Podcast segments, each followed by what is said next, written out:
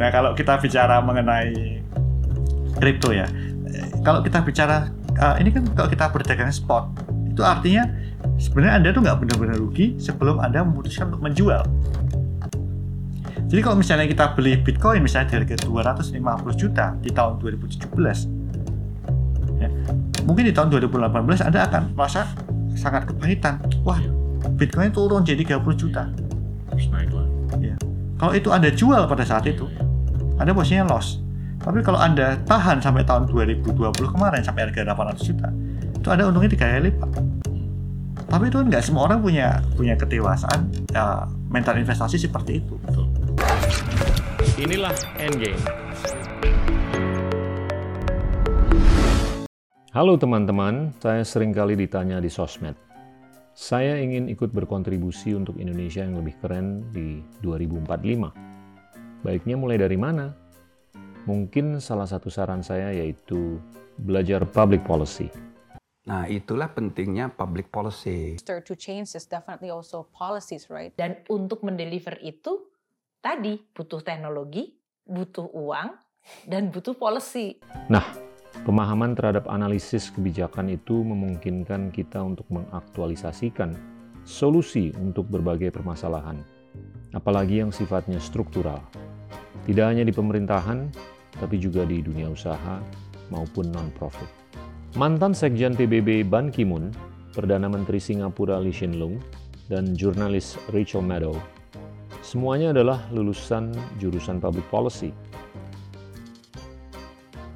SKPP Indonesia, sekolah public policy pertama di Indonesia dengan bahasa pengantar bahasa Inggris, sedang membuka penerimaan mahasiswa untuk batch terbaru. Untuk detail mengenai program dan cara mendaftar, atau sekedar berkonsultasi mengenai rencana karir teman-teman ke depan, hubungi SKPP Indonesia melalui link yang ada di deskripsi. Now back to the show. Halo teman-teman, hari ini kita kedatangan Oscar Darmawan, founder CEO dari Indodex, tapi juga sering disebut sebagai Bapak Bitcoin di Indonesia. Oscar, thank you banget. Thank you Bisa Pak kita sudah diundang ke sini. Terima kasih. Saya pengen tanya, Anda tuh lahir di Semarang, terus ada cerita kecil mengenai tanggal lahir. Ceritain deh. Terus Jadi- semenjak lahir, sekolah di mana dan gimana sampai sekarang. Oke, jadi eh, kalau kalau bicara tanggal lahir saya itu agak unik. Ya. Tanggal lahir saya itu otomatis selalu mengingatkan saya akan almarhum ibu saya. Kenapa? Karena tanggal lahir saya kan aslinya tanggal 5 Desember. Almarhum ibu saya itu 15 Desember. Nah, tapi di semua eh, dari surat lahir saya sampai saya sekolah dan sebagainya, semua tanggalnya 15 Desember. Karena mungkin pada saat itu kan semua dihandle manual ya. Jadi mungkin ada kesalahan pengetikan sehingga tanggal lahir saya kadang-kadang saya tuh setahun disalami orang dua kali pak 5 sama 15. 5 sama 15 ya jadi orang yang orang yang lihat dari KTP nyalami saya tanggal 15 orang yang eh, kenal saya nyalami saya tanggal 5 gitu nah tapi karena hal itu juga saya kadang-kadang mengalami ketidakhappyan. Kenapa? Karena waktu waktu dulu SD SMP ya waktu SD SMP orang-orang kan paling seneng disalami sama temennya sekelas Betul. gitu kan. Iya. tapi karena tanggal lahir saya adalah tanggal 5 tapi orang-orang di dokumen tanggal 15 orang tuh pada takut nyalami saya pak. Pada takut nyalami saya karena takut salah kan kan anak-anak gitu. Jadi saya tuh selalu dilupakan sama teman-teman dilupakan sama teman-teman mereka nggak pernah ada yang nyalami saya karena alasannya takut takut takut salah gitu jadi nyalaminya diem-diem selalu eh Oscar selamat ulang tahun ya tapi bener kan tanggal hari ini Tapi bawa hoki lah. ya, Makanya nggak pernah dirubah kan. nggak pernah Ah. dirubah Bagus. Udah bablas tapi ya udah bawa banyak hoki. Sekolah, sekolah gimana? ya saya sekolah eh, saya TK saya di TK SD di Bernardus ya jadi Semarang. Semarang. Oke. Di Semarang itu kita punya semacam eh, klise gitu pak. Kalau orang-orang didikan Katolik itu selalu TKSD di Bernardus. SMP-nya di Dominico, SMA-nya di Loyola. Nah ini eh, istilahnya seperti Holy Grail. Terus. Terus, tapi untuk masuk ke Loyola itu nggak gampang sih, karena benar-benar pilihan. Iya. Dari Dominico Savio yang terkenal pilihan, dipilih kemudian baru bisa masuk ke uh, Kolose Loyola. Di Kolose Loyola itulah mengajari saya untuk pentingnya menjadi seorang pionir, Mengambil resiko dan solidaritas kepada masyarakat kecil. Apa yang Anda sukai waktu sekolah? Lebih ke IPA atau IPS atau Saya itu eh, Pak Gita, cita-cita saya itu dokter. Dokter. Kenapa? Karena saya setiap kali ikut olimpiade, ikut kejuaraan, saya menangnya selalu di biologi. wow. Bahkan waktu SMP saya itu satu-satunya di kawasan Jawa Tengah yang mendapatkan nilai EPA eh, nilai 10 sempurna. Satu provinsi Jawa Tengah. Wow. Dulu ya kalau dulu nama-nama Latin hewan, nama Hmm. nama apa, organ tubuh, semua fungsi tubuh, fungsi hormon itu saya menguasai. Maka kalau kita buka katalog katalog SMA saya, slogan saya kan semua orang ngomongnya kalimat eh, apa eh, yang fun gitu kan. Ah. Kalimat saya sederhana. Nanti jadi pasien saya ya. karena cita-cita saya dokter dan karena saya juga terpanggil kan. Jadi eh, almarhum ibu saya itu meninggal pada saat SD kelas 5 karena eh, jantung pak karena jantung dan jantungnya sebenarnya menurut saya itu kalau bisa dioperasi Hmm. itu bisa diselamatkan cuma karena ibu saya tuh melihat kondisi ekonomi keluarga Ya. keluarga kami kan saya itu kurang pak sangat kurang jadi beliau memilih membisu diam sampai akhir hayatnya bahkan ayah saya pun nggak tahu kalau ibu saya sakit jantung Hmm. Kalau boleh tahu usia berapa Eh, ibu meninggal? ibu saya eh, umur 36 waktu meninggal. Eh, masih sangat muda. Hmm. Eh, kita lima bersaudara. Jadi waktu ibu saya nggak ada, kita masih kecil-kecil gitu. Kecil-kecil. Saya sendiri umur 11 tahun. Wow. Itu salah satu the biggest regret in my life. Jadi kalau orang tanya kepada saya, ada nggak satu momen yang kamu ingin ulang dalam hidupmu? Saya selalu menjawab, cuma momen di hari meninggalnya ibu saya. Selain itu, saya nggak ada regret. Sorry to hear that. Ya. Karena hari itu adalah hari di mana ibu saya meminta saya untuk pulang dari sekolah lebih cepat. Ya. Cuma waktu itu karena saya rajin-rajinnya sekolah. Jadi waktu SD itu saya dari SD kelas 1 sampai SD kelas 3 tuh goblok banget, butuh banget secara akademis. Antara naik kelas atau nggak naik kelas. Baru SD Karena males. karena malas. Karena saya lebih milih bermain daripada mengerjakan dan mengerjakan setengah-setengah. Biarpun IQ saya cukup cukup bagus lah, Ya. cukup bagus. Eh, masih tergolong eh, cerdas sangat cerdas. Ya. Eh, terus kemudian SD kelas 4 saya mulai merasakan, oh ternyata sekolah itu seperti sebuah game, Fun. fun. Kalau kita bisa Hmm. naik ke atas, Penting tuh. kemudian kita seperti melawan monster yang lebih besar. Ya. Saya baru mulai merasakan namanya posisi 10 besar. Kemudian eh, saya mulai merasakan posisi tiga besar. Ya. Nah, jadi saya mulai merasakan hal itu. Jadi saya bilang sama almarhum ibu saya, oh maaf bu, saya nggak mau karena saya mau belajar lagi eh, di tempat lain. Kemudian saya pulang jam 5 sore. Nah, ternyata ibu saya sudah ke rumah sakit.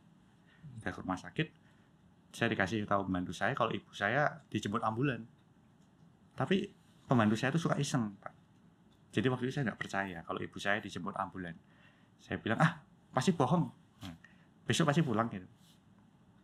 Ternyata malam itu ibu saya nggak ada. Wow. Ya, jadi saya miss uh, window opportunity ketemu ibu saya. Ayah?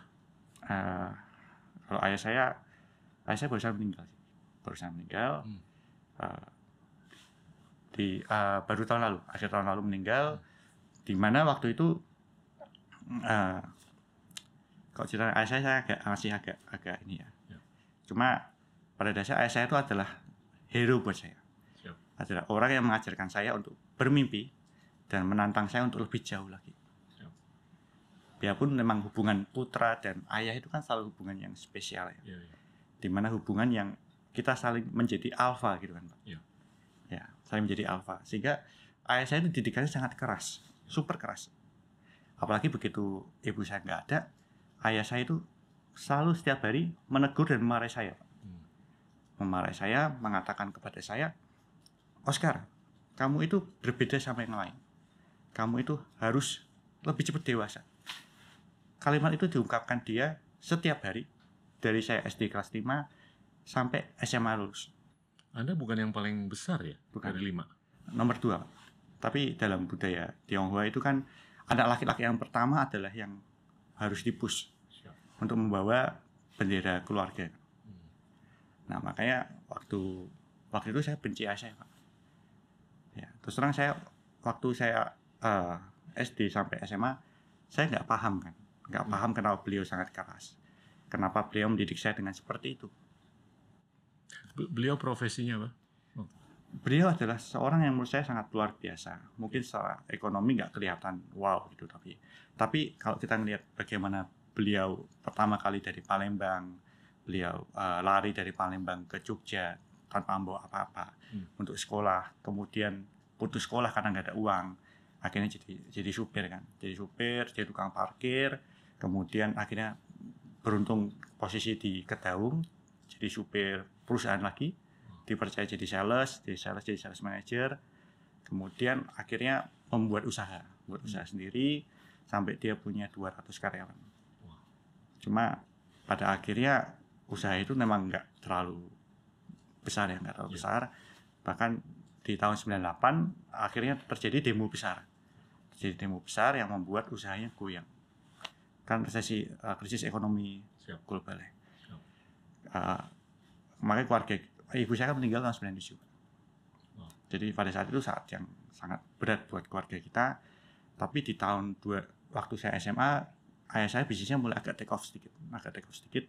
Tapi berakhir dengan utang sangat besar sih. Berakhir dengan utang sangat besar, miliaran pak utangnya, miliaran. Dan saya tahu itu akan jadi beban saya. Ya. Tapi pada akhir hidupnya ada satu hal yang nggak saya sesali, yaitu ternyata eh, biarpun saya mulai juga dari zero, Hmm. pada akhirnya saya bisa membayar semua utang ayah saya itu secara tunai. Wow. Itu yang membuat ayah saya sangat bangga sama saya. Dari zero ke hero. Saya nggak bilang saya hero sih pak, masih jauh lah, Ya. masih jauh. Saya saya rasa saya masih harus banyak belajar. Cuma setidaknya saya bisa membahagiakan ayah saya di akhir hidupnya. Semua permintaan yang dia minta bisa saya berikan. Amin. Amin. Kalau saya balik ke pendidikan Anda, di rumah tangga kayaknya jelas pengaruh ayah sama ibu ya. Di sekolah ada nggak guru yang berperan, yang masih ada di benak Anda gitu? Jadi eh, ada ada satu hal yang buat saya sangat eh, terhubung dengan didikan Jesuit.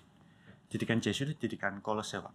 Kolose. Jadi kalau kita bicara di Jakarta ada kolose Canisius, di Semarang ada kolose Loyola. Eh, semua guru dan semua pembimbing di kolose Loyola itu mengajarkan kita dengan sangat luar biasa sih menurut saya. Hmm. Ya. Eh, di mana ekosistem sekolahnya juga dibuat dengan sangat santai, Hmm. bahkan nggak ada seragamnya. Jadi kalau uh, teman-teman biasa punya seragam putih abu-abu, Ya. kalau di kolose kita nggak punya.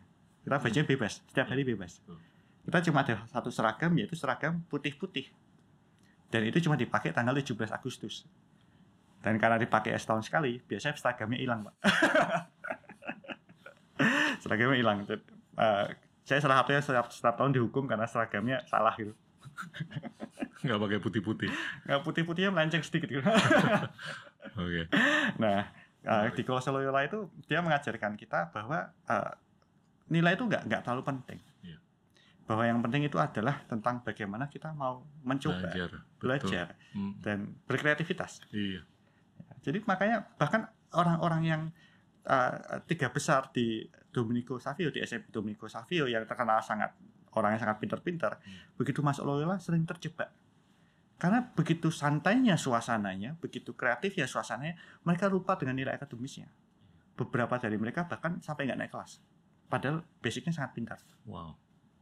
Ya, itu didikan Jesuit yang luar biasa yang mendidik kita bahwa uh, ada ada yang lain selain akademis. Nah, uh, tapi selain daripada itu, akademis di sana juga terkenal sangat susah, Pak. sangat susah. Ya. Tapi saya saya beruntung saya masih bisa Iyalah mengikuti. Loyola tuh nggak gampang loh. Dan oh, banyak loh orang Semarang tuh yang sukses di Indonesia. Iya. Iya kan? Siap. Banyak. Nggak usah nyebut nama lah. Beberapa uh, menteri sebelumnya juga ada dari Loyola. Betul. Dan sekarang juga. Iya. Ya, yang dulu. Jadi kalau uh, kemudian di Loyola itu kita diajari untuk berwirausaha Siap. dengan ada organisasi-organisasinya. Yang saya ingat pengalaman salah satunya kita waktu itu dipercaya organisasi majalah sekolah. Waktu kita pegang, waktu saya pegang bersama teman-teman, kita dapat nggak enaknya. Karena organisasi itu dalam kondisi utang berapa berapa puluh juta hampir berapa ratus juta gitu pak. Mendekati ratusan juta. Eh, di mana kita ngerasa oh my god ini mau diapain ini? Jadi organisasi itu berjalan dengan kondisi rugi. Setiap kali cetak buku malah rugi terus kemudian kita ngadain meeting. Saya masih ingat sama partner-partner saya waktu itu saya bilang "Eh, kita nggak bisa gini terus. Kalau kita gini terus ini terbit buku tapi rugi. Nah waktu itu eh, kita salah satu yang berani bilang sama sekolah ini harga buku semua harus diubah semua percetakan diubah dan sistem penjualan diubah. Dan dalam tahun itu juga organisasi majalah sekolah kita akhirnya profit. Wow. akhirnya profit. Profit tapi sayangnya begitu saya lulus akhirnya rugi lagi pak di situlah saya belajar ternyata manajemen itu sangat penting untuk berani ngambil keputusan Apa yang Anda lakukan yang bikin itu profitable? Yang, Yang beda pertama- dibanding sebelum-sebelumnya. kita harus ngitung cost costnya sebenarnya biaya percetaan itu berapa yang kedua kita percaya bahwa kekuatan terbesar menjual itu bukan diwajibkan sekolah tapi dari komunitas Iya. ya dan orang harus merasa kenapa mereka ingin beli majalah ini. Jadi kita dulu juga membuat konsep di mana kita bisa saling menembak saling ngirim pesan lewat majalah Uh, kalau dulu sebelumnya gratis di tempat di zaman saya manajemen itu harus bayar bayarnya murah Iya, tapi kan ada faktor multiplier pak betul. Ya, akhirnya itu bisa dipakai buat bayar utang lain sebagainya. Kita happy banget. Lalu kita mewariskan ke generasi penerus kita, ini uang untuk mencetak majalah berikutnya. Hmm. Tapi kemudian generasi berikutnya cuma bisa nyetak sekali dua kali. Sekarang kayak rugi lagi sih katanya. Oke, terus ke college. Ya. College-nya di Australia. Sebenarnya Kenapa? ini college-nya juga agak agak agak eh, lucu ceritanya. Ayah saya kan waktu saya SMA bisnisnya mulai take off, mulai jalan. Ya. Cuma kan akhirnya eh, karena belum mampu membiayai saya ke luar negeri, ayah saya memaksakan diri. Maksain diri karena dia percaya kalau saya ini harus sebagai pembuka jalan di keluarga. Kalau saya nggak berani ke luar negeri, nanti adik-adiknya pasti nggak akan ke luar negeri. Kenapa kakak saya yang perempuan nggak ke luar negeri? Itu karena kondisi ekonomi keluarga saat itu tahun 97 persis uh, Lagi susah. susah banget dan ibu saya baru meninggal. Hmm. Ibu saya baru meninggal, uh, hampir putus sekolah uh, kakak saya itu. Hmm. Tapi dia kemudian dapat beasiswa, dan beasiswa uh, di Unika dan beasiswa akhirnya dia tetap uh, kuliah dan lulus sebagai lulusan terbaik arsitek. Nah, sebenarnya kita harus berterima kasih sama gen ayah saya yang menurunkan anaknya pinter-pinter. Tapi dia juga pekerja keras. Dia alpha. Ya. Terus bekerja keras. Karena Tapi dia pendidikannya gimana? Ayah dibanding Anda. uh, pendidikan ayah saya ya. Iya. Uh, pendidikan ayah saya, Basic. pendidikan ayah saya itu uh, dia putus sekolah kan di SMA Pak. Di Kolose de Brito. Tapi dia yang justru apa ya? Menekankan. Menganggap bahwa pendidikan itu penting kan? Betul. Karena Iya kan? karena cita-cita ayah saya itu juga dokter. Dan Menarik. dia pindah dari Dianya nggak kesampaian, Betul. ditumpukan ke Anda. nggak ditumpukan. Ayah saya nggak Oke. pernah menumpukan. Makanya dia kemudian ngambil u- u- uh, utang bank tambahan untuk sekolah saya. Wow. Ya, waktu itu uh, uang dia tapi cuma cukup untuk saya sekolah di swasta di Singapura. Sekolah swasta di Singapura uh, ngambil akademis uh, di akademisi uh, di TMC namanya Pak. Karena waktu itu Monash University sedang mau bekerja sama dan membuat sekolah di Singapura. Oke. Nah, makanya saya menyelesaikan uh, TMC Academy, kemudian Monash University itu di Singapura. Dan saya ternyata lulusan terakhir.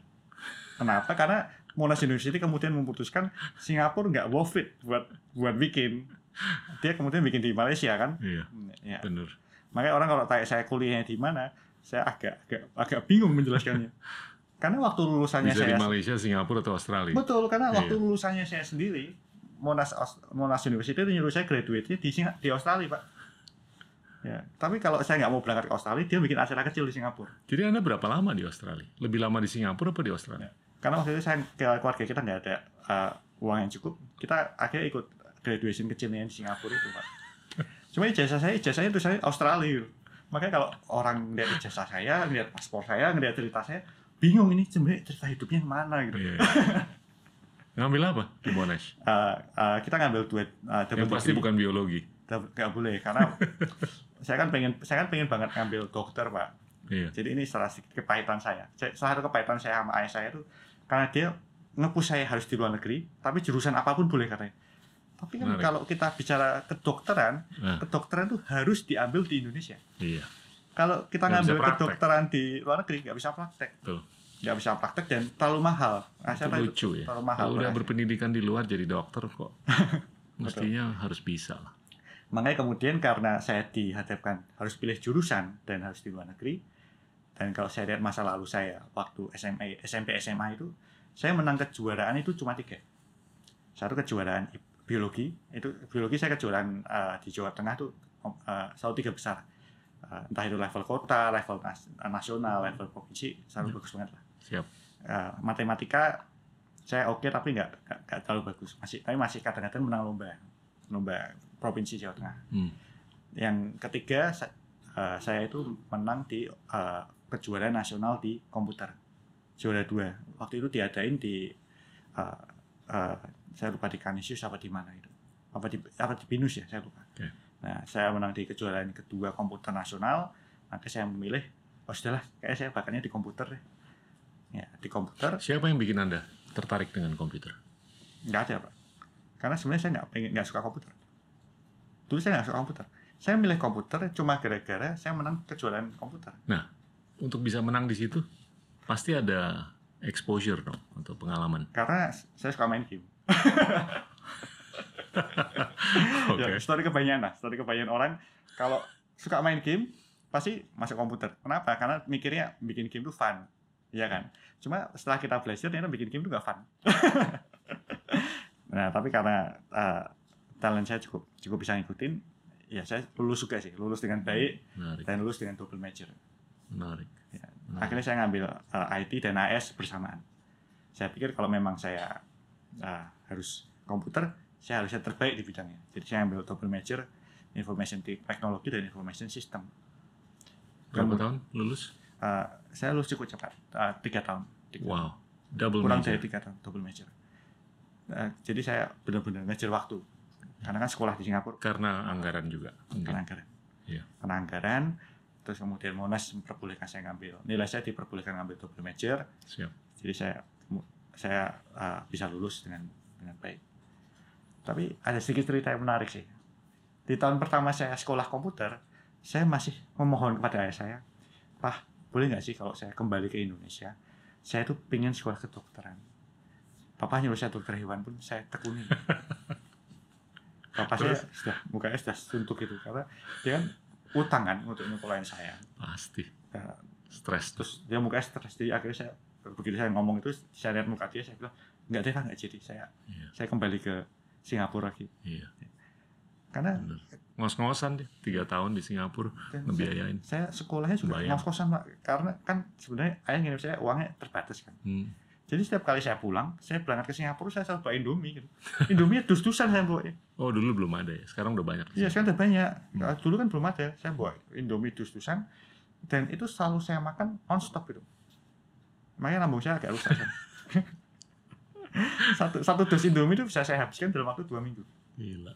Padahal satu dus kan uh, uh, cukup banyak kan. A- Anda tuh hobinya apa sih? Hobi saya main catur. Sekolahnya bagus. Hobi, hobi saya main catur, uh, baca, ya. Terus kemudian apa pun yang buat saya sibuk lah. Main catur masih sekarang? Uh, kadang-kadang sama teman-teman. Dan Oke. sekarang kan catur banyak yang online ya. Iya. Jadi kita main catur ya. Uh, ya, menurut saya catur olahraga yang fun sih. Dan Saya dulu hobi banget. Tapi saya stop mungkin umur belasan tahun. makanya saya itu yang kemudian saya ajari anak saya. Anak saya kan baru umur 4 tahun tuh. Hmm. Iya. Tapi dia sudah lancar main catur. Iya. Karena saya sudah kenalin dia catur dari umur 2 tahun. Iya. Dan satu hal yang buat saya menarik, karena catur itu adalah binding antara saya dengan ibu saya. I see. Ya, jadi Beliau almarhumah main catur juga. beliau eh, ngajari saya dulu main catur, Pak. Ngajari saya main catur. Kalau kuda gerak ke sini, ini gerak ke sini. Oke. Terus kemudian waktu beliau senggang, beliau nemenin saya main catur gitu. Dan eh, karena beliau sebenarnya cuma bisa-bisa aja, kemenangan pertama atas ibu saya itu membahagiakan saya gitu. Umur berapa? Pertama kali menang Eh, lawan orang tua. kedua SD ya. Oke. Kedua SD. Not bad. Ya, terus Not kemudian tapi eh, catur itu juga binding antara saya dengan ayah saya. Karena ayah saya tuh main caturnya jago banget, Pak. Banget benar jago. Sampai akhir hayatnya eh, ayah saya tuh nggak bisa saya kalahkan. Ya, jadi eh, setiap kali pulang, nggak? Ngebayang nggak kalau dia sekolah? ya, makanya dia eh, ayah, ayah saya tuh eh, terkenal pintar sih kalau kayak teman-temannya dulu yang sempat sekolah bareng. Hmm.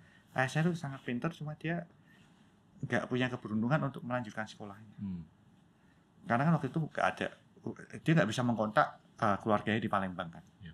Dan dia kondisinya tuh lari, jadi lulus SMP lari ke Pulau Jawa Ya. sendirian Jogja, sama temennya ikut pak. Dia cuma uh, punya sedikit dana, terus jadi tukang parkir lain sebagainya, biayai kosnya, biayai sekolahnya kan nggak nggak Mungkin orangnya adventurous juga kali. sangat. Ya. Cuma karena mungkin pengalaman kegagalannya itu beberapa kali membuat dia kemudian membuat sebuah kalimat yang menjadi sebuah challenge buat saya. Hmm. Kalimatnya sederhana. Dia bilang bahwa uh, karena dia selalu sering gagal ya. Siap. Dia sempat gagal beberapa kali. Dia bilang kamu jangan bermimpi terlalu besar. Nanti sakit. Menarik. Menarik. Dan kita ini dari keluarga biasa-biasa. Kamu jangan bermimpi menjadi konglomerat atau jadi orang kaya gitu. Karena nggak gampang gitu. Dan karena dia nggak mau kita sakit gitu. Pak. Iya. Nah, karena ayah saya itu tipe yang mencintai anaknya dengan berlebihan. Kalau ditanya apa kelebihan ayah saya, dia memberikan cinta kepada anaknya, anaknya itu bukan 100% tapi 200% gitu. Sampai kadang-kadang saya tuh merasa sesak dengan cintanya itu karena Hmm. pressure-nya begitu besar. Ya. Karena pada saat orang mencintai seseorang dengan sangat besar, dia akan Semakin demanding. mengangkat, mengangkat dan demanding. gitu. Hmm. Hmm. Nah, jadi kalau ditanya, eh, ya eh, apa namanya? Kita karena makanya ayah saya sama saya hubungannya agak harmonis gak harmonis gitu. Iya. Tapi pada saat saya ketemu ayah saya, kalau kita main catur bareng, saya bisa merasa Cair suasana. lebih cair gitu. Hmm. Dan ajaran beliau tadi yang mengatakan dua kalimat itu karena dia sangat mencintai saya dan sangat eh, sangat menekan saya, saya tuh marah merasa saya tuh tipe yang suka ditantang gitu pak. Kalau ayah saya mengatakan bahwa tidak mungkin, saya harus membuktikan ke ayah saya kalau itu mungkin gitu. Iya. Makanya perkataan ayah saya tadi yang mengatakan bahwa kita nggak mungkin jadi kaya, kita nggak mungkin jadi konglomerat, kita nggak mungkin eh, apa namanya memulai usaha dari zero. Kalau zaman dia itu kan dulu dia memulai usaha dari kata dia dari dengkul sampai bisa punya karyawan. Kata dia selalu menekankan bahwa zamannya sudah berubah. Hmm. Kamu itu nggak usah bermimpi lagi membuat usaha memulai dari nol, karena itu nggak mungkin kata dia. Ya. Betul. Tapi karena cintanya dia memberikan Hmm. nasihat itu. Terus kayak saya mengatakan ke ayah saya, saya akan buktikan kalau itu bisa pak. Hmm. Makanya kemudian saya fokus di bisnis saya. Saya ingin buktikan ke ayah saya kalau saya bisa membuat usaha. Sebelum kita ke bisnis, idola pemain catur Anda siapa? Nah, ini satu hal yang menarik tentang tentang karakter saya.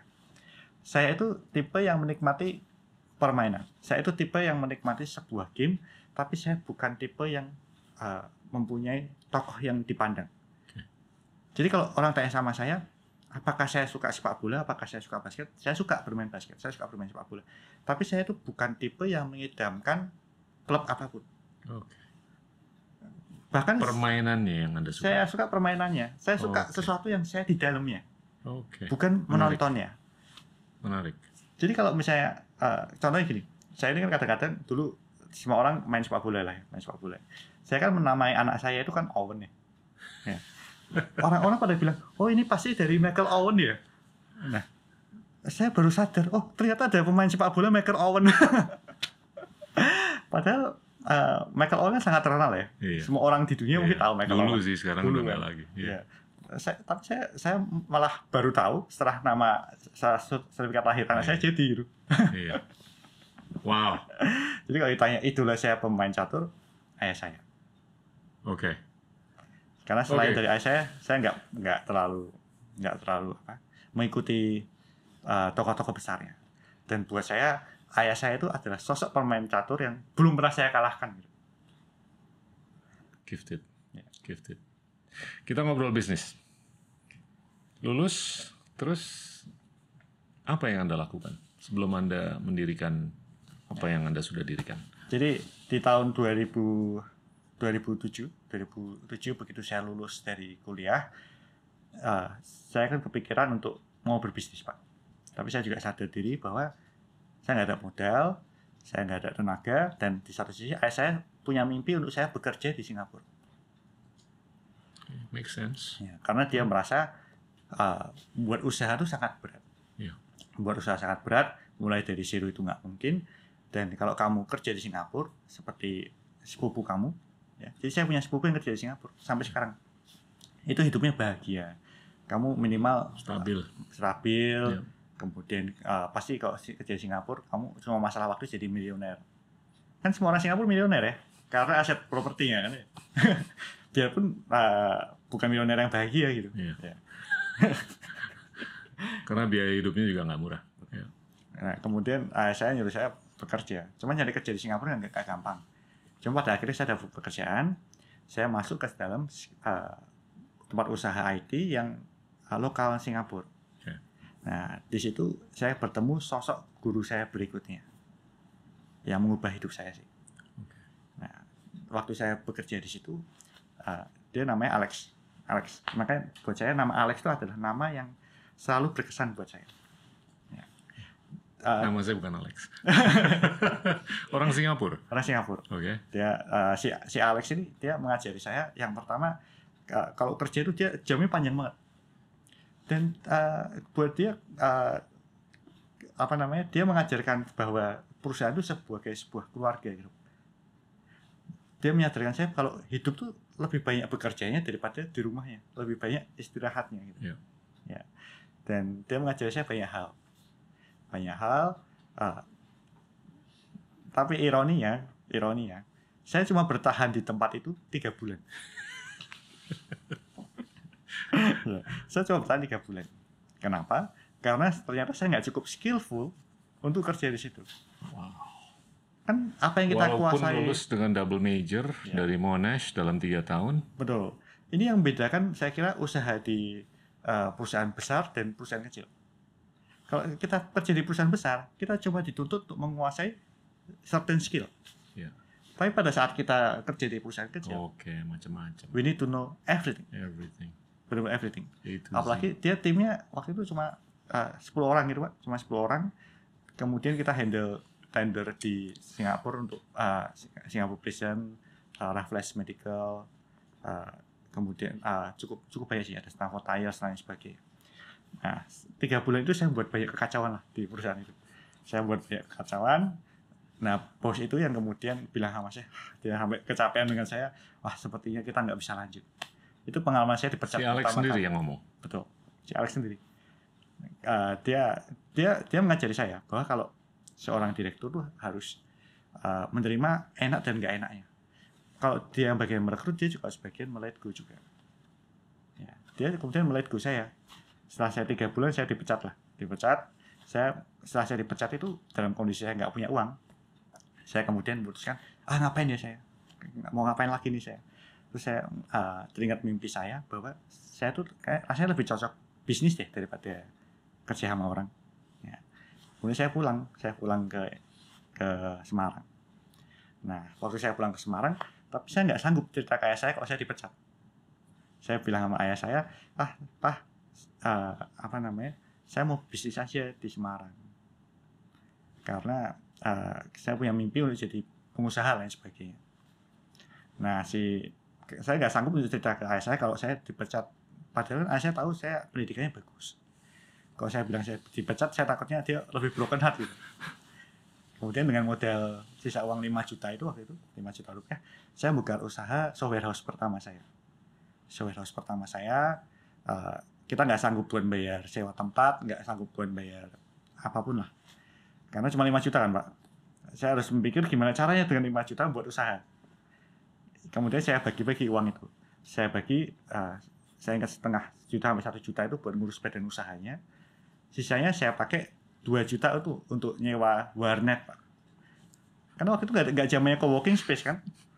Kalau saya 2 juta saya bayar tempat sewa, nggak nggak mungkin mau bayar sewa tempat kayak apa gitu. Karena kalau kita mau warehouse, eh, programmer kan harus ada tempat yang buat kerja proper, harus ada komputer dan sebagainya. Kalau saya beli komputer, habis uang 2 juta saya. Nah, jadi saya sewa 2 juta itu untuk 4, 4 tempat duduk di warnet. Saya bayar, Pak, ini saya ada uang 2 juta, saya mau sewa 4 tempat duduk di warnet di Semarang eh, untuk 4 kursi saya bilang. orangnya bingung karena eh, nggak pernah ada orang yang request kayak gitu. Di warnet sewa dari jam 8 sampai jam 6 sore. Saya bilang empat ini selalu buat saya ya. Untungnya warnetnya setuju. Kemudian 2 juta sisanya saya pakai untuk iklan di Suara Merdeka. Untuk nyari karyawan. Nah ini mungkin sedikit kebohongan saya pada orang yang saya interview waktu itu adalah kita lagi bikin kantor kita lagi bikin kantor tapi karena kantornya belum jadi sementara kita kerja di warnet ya dan karena tim yang saya cari orang muda-muda dia dia percaya pada saya juga Muda-muda apa? Umur 20-an, belasan? Ah, belasan belasan umur 20-an umur 20-an dan yang, yang tim yang ikut saya awal-awal itu adalah lulusan terbaik Unika Ah, lulusnya kumlot semua mereka Wow. jadi Kok, kok bisa mau? karena mungkin mungkin saya saya uh, menceritakan Persuasif. persuasif ya. Ah. mungkin salah satu kelebihan saya itu persuasif. Udah mereka percaya pada saya. Setelah saya ada tenaga kerja ada empat orang yang saya rasa cukup capable uh, yang saya lakukan setelah itu adalah tanpa tahu tanpa saya tanpa saya malu-malu saya kontak lagi si Alex bos saya. Saya kontak si Alex. Saya ingat banget. Karena menurut saya itu jalan satu-satunya. Saya kontak si Alex saya bilang bos saya Alex kan kita nyebutnya pakai nama ya kalau di luar negeri Alex Eh, saya tahu kalau tenaga kerja di Singapura itu mahal sekarang saya punya pu- perusahaan nih proper saya kirim fotonya kan kan warnet fotonya bagus pak ada komputernya ada timnya ini lulusan terbaik semua di Semarang gimana kalau kita kerjasama aja saya tahu saya banyak melakukan kesalahan tapi gimana kok kamu percayakan saya Di project-project outsource. di outsource ke kita. Hmm. Kemudian si Alex uh, berpikir, oh ya why not ya? Kalau di Singapura dia bayar minimal gaji 3.000 dolar untuk satu programmer, di tempat saya cukup bayar cuma 500 dolar. Iya. Nah, 500 dolar sudah termasuk untuk pendapatan buat saya 200 kan, Pak? 100 sampai 200. Karena saya bilang dia setelah 200 300. ini buat uh, sewa tempat, buat apa lain sebagainya. Si Alex percaya. Kemudian dia, dia percayakan ke saya beberapa project. Makanya perusahaan warehouse saya uh, betting saya waktu itu saya menang gitu pak. Uang 5 juta saya menjadi sesuatu. agak nekat sih. Agak nekat. Jadi, Jadi berapa Cuma, lama eh, kerja sama Malik? kita kerjasama tahunan pak gitu. Tahunan tapi usaha saya itu sekali lagi ada ironi ya pak ada ironi ya setelah hampir setahun ayah saya itu kan merasa saya anak yang gagal merasa saya anak yang gagal setiap hari waktu saya pulang karena saya nggak tinggal di kos kan saya pulang ke rumah ayah saya itu ngomel sampai pada suatu titik dia ada satu kalimat yang menurut saya enough gitu. dia bilang bahwa "Eh, kamu jadi cuma gini-gini aja. Eh, buat apa anak kayak gini? Kurang lebih seperti itulah kalimat kalimatnya. Saya lupa persis tapi eh, arahnya ke situ. Ya pokoknya not good enough lah. not good enough. Hmm. eh, percuma sia-sia. Terus akhirnya saya jengkel saya ribut sama ayah saya saya kepahitan amat sangat. Saya kontak si Alex lagi. Alex sekarang saya sudah berbeda dengan dulu. Eh, saya sudah gak akan melakukan kesalahan yang saya buat sebelumnya bagaimana kalau saya bekerja kembali sama kamu tapi kamu jangan khawatir dengan perusahaan outsourcing ini karena saya sudah punya manajer yang mengelolanya Nah, kemu- kemudian si Alex bilang sama saya, oh tapi kenapa harus saya menerima kamu gitu? Kan kita sudah punya tim outsourcing kan? Terus saya bilang sama dia, tapi saya tahu Alex kalau kamu sangat sibuk. Ya, Saya percaya kalau saya bisa menyumbangkan tenaga ke kamu. Gimana kalau kita bikin bed aja? Saya bilang sama dia. Kita bikin bed aja. Untuk satu bulan pertama, kamu nggak perlu menggaji saya seperti orang Singapura kebanyakan. Kamu cukup gaji saya 500 dolar.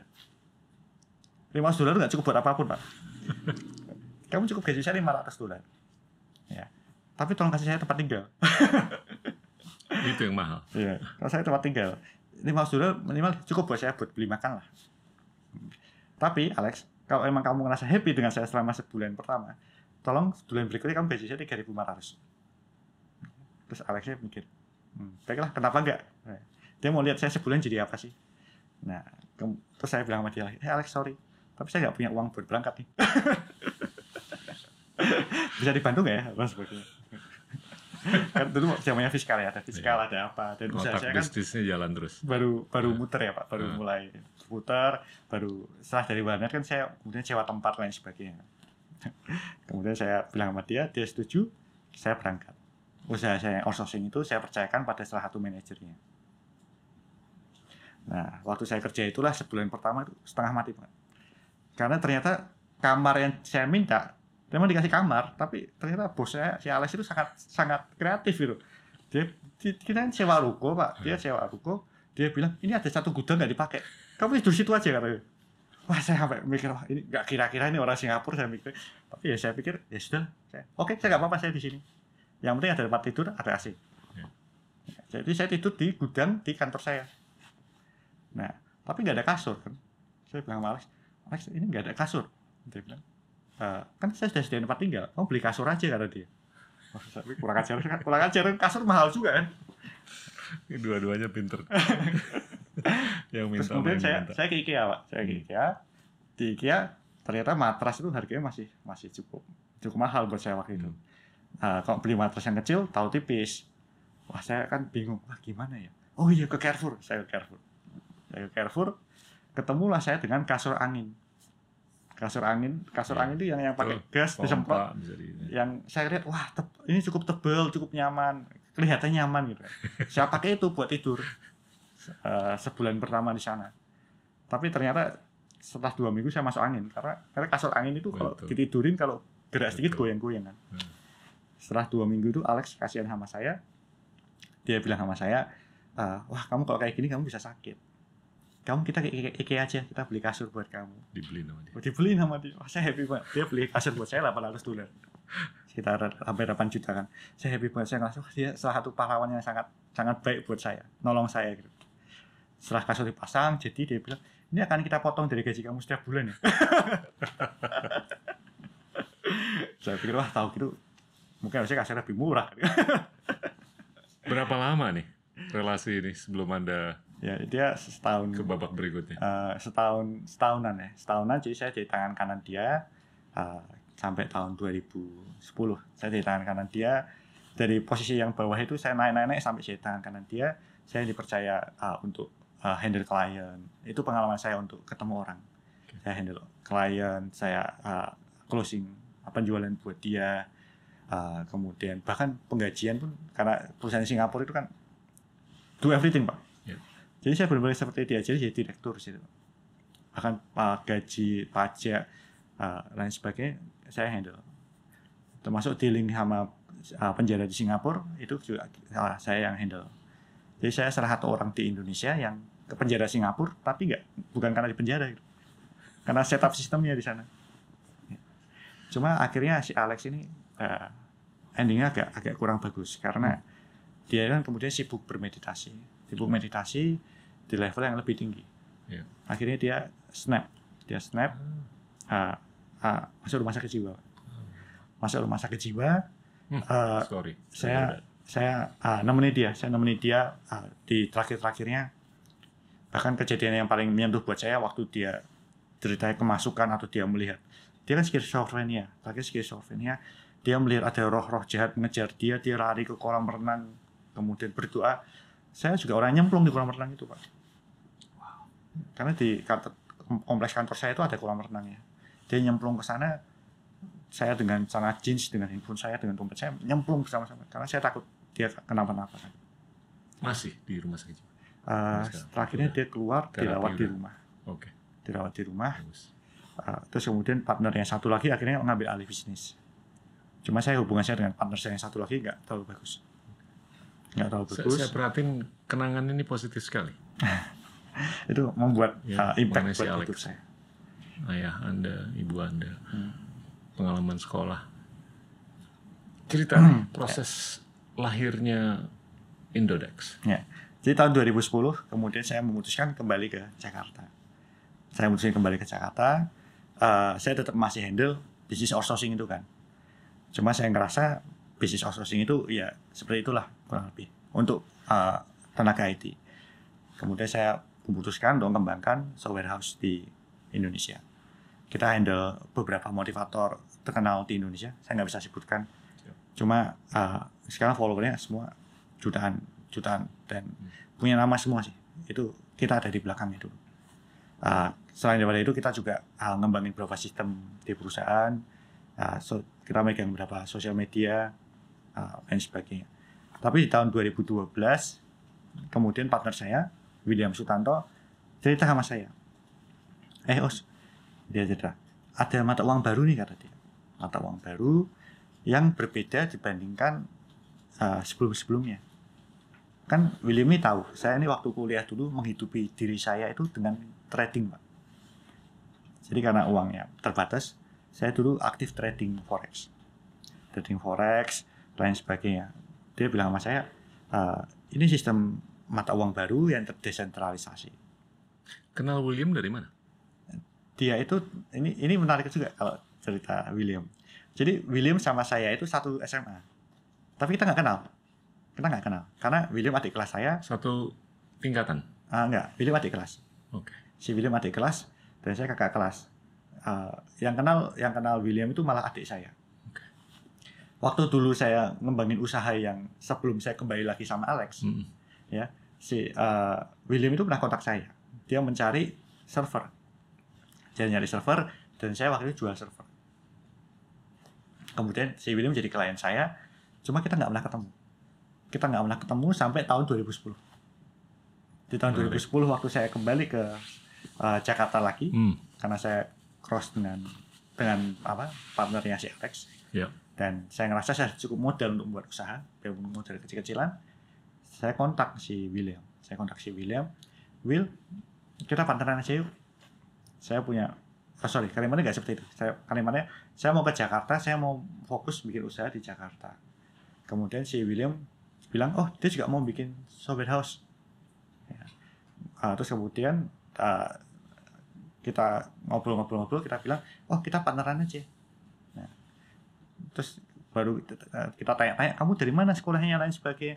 Ternyata kita baru tahu bahwa kita satu sekolah dulu. Nah tahun 2010 itulah saya ketemu William pertama kali. Ketemu pertama kali di Karawaci. Oke. di Karawaci eh, dan itu pun saya masih nyari-nyari dia saya nggak tahu mukanya kayak apa gitu. Halo teman-teman, terima kasih sudah menjadi teman setia Endgame. Cek rilis terbaru dari Future Narrators Merchandise Collection dan dukung terus misi kami untuk mencari ide-ide terbaik dari narator-narator keren lainnya. Link pemesanan ada di deskripsi. Now back to the show.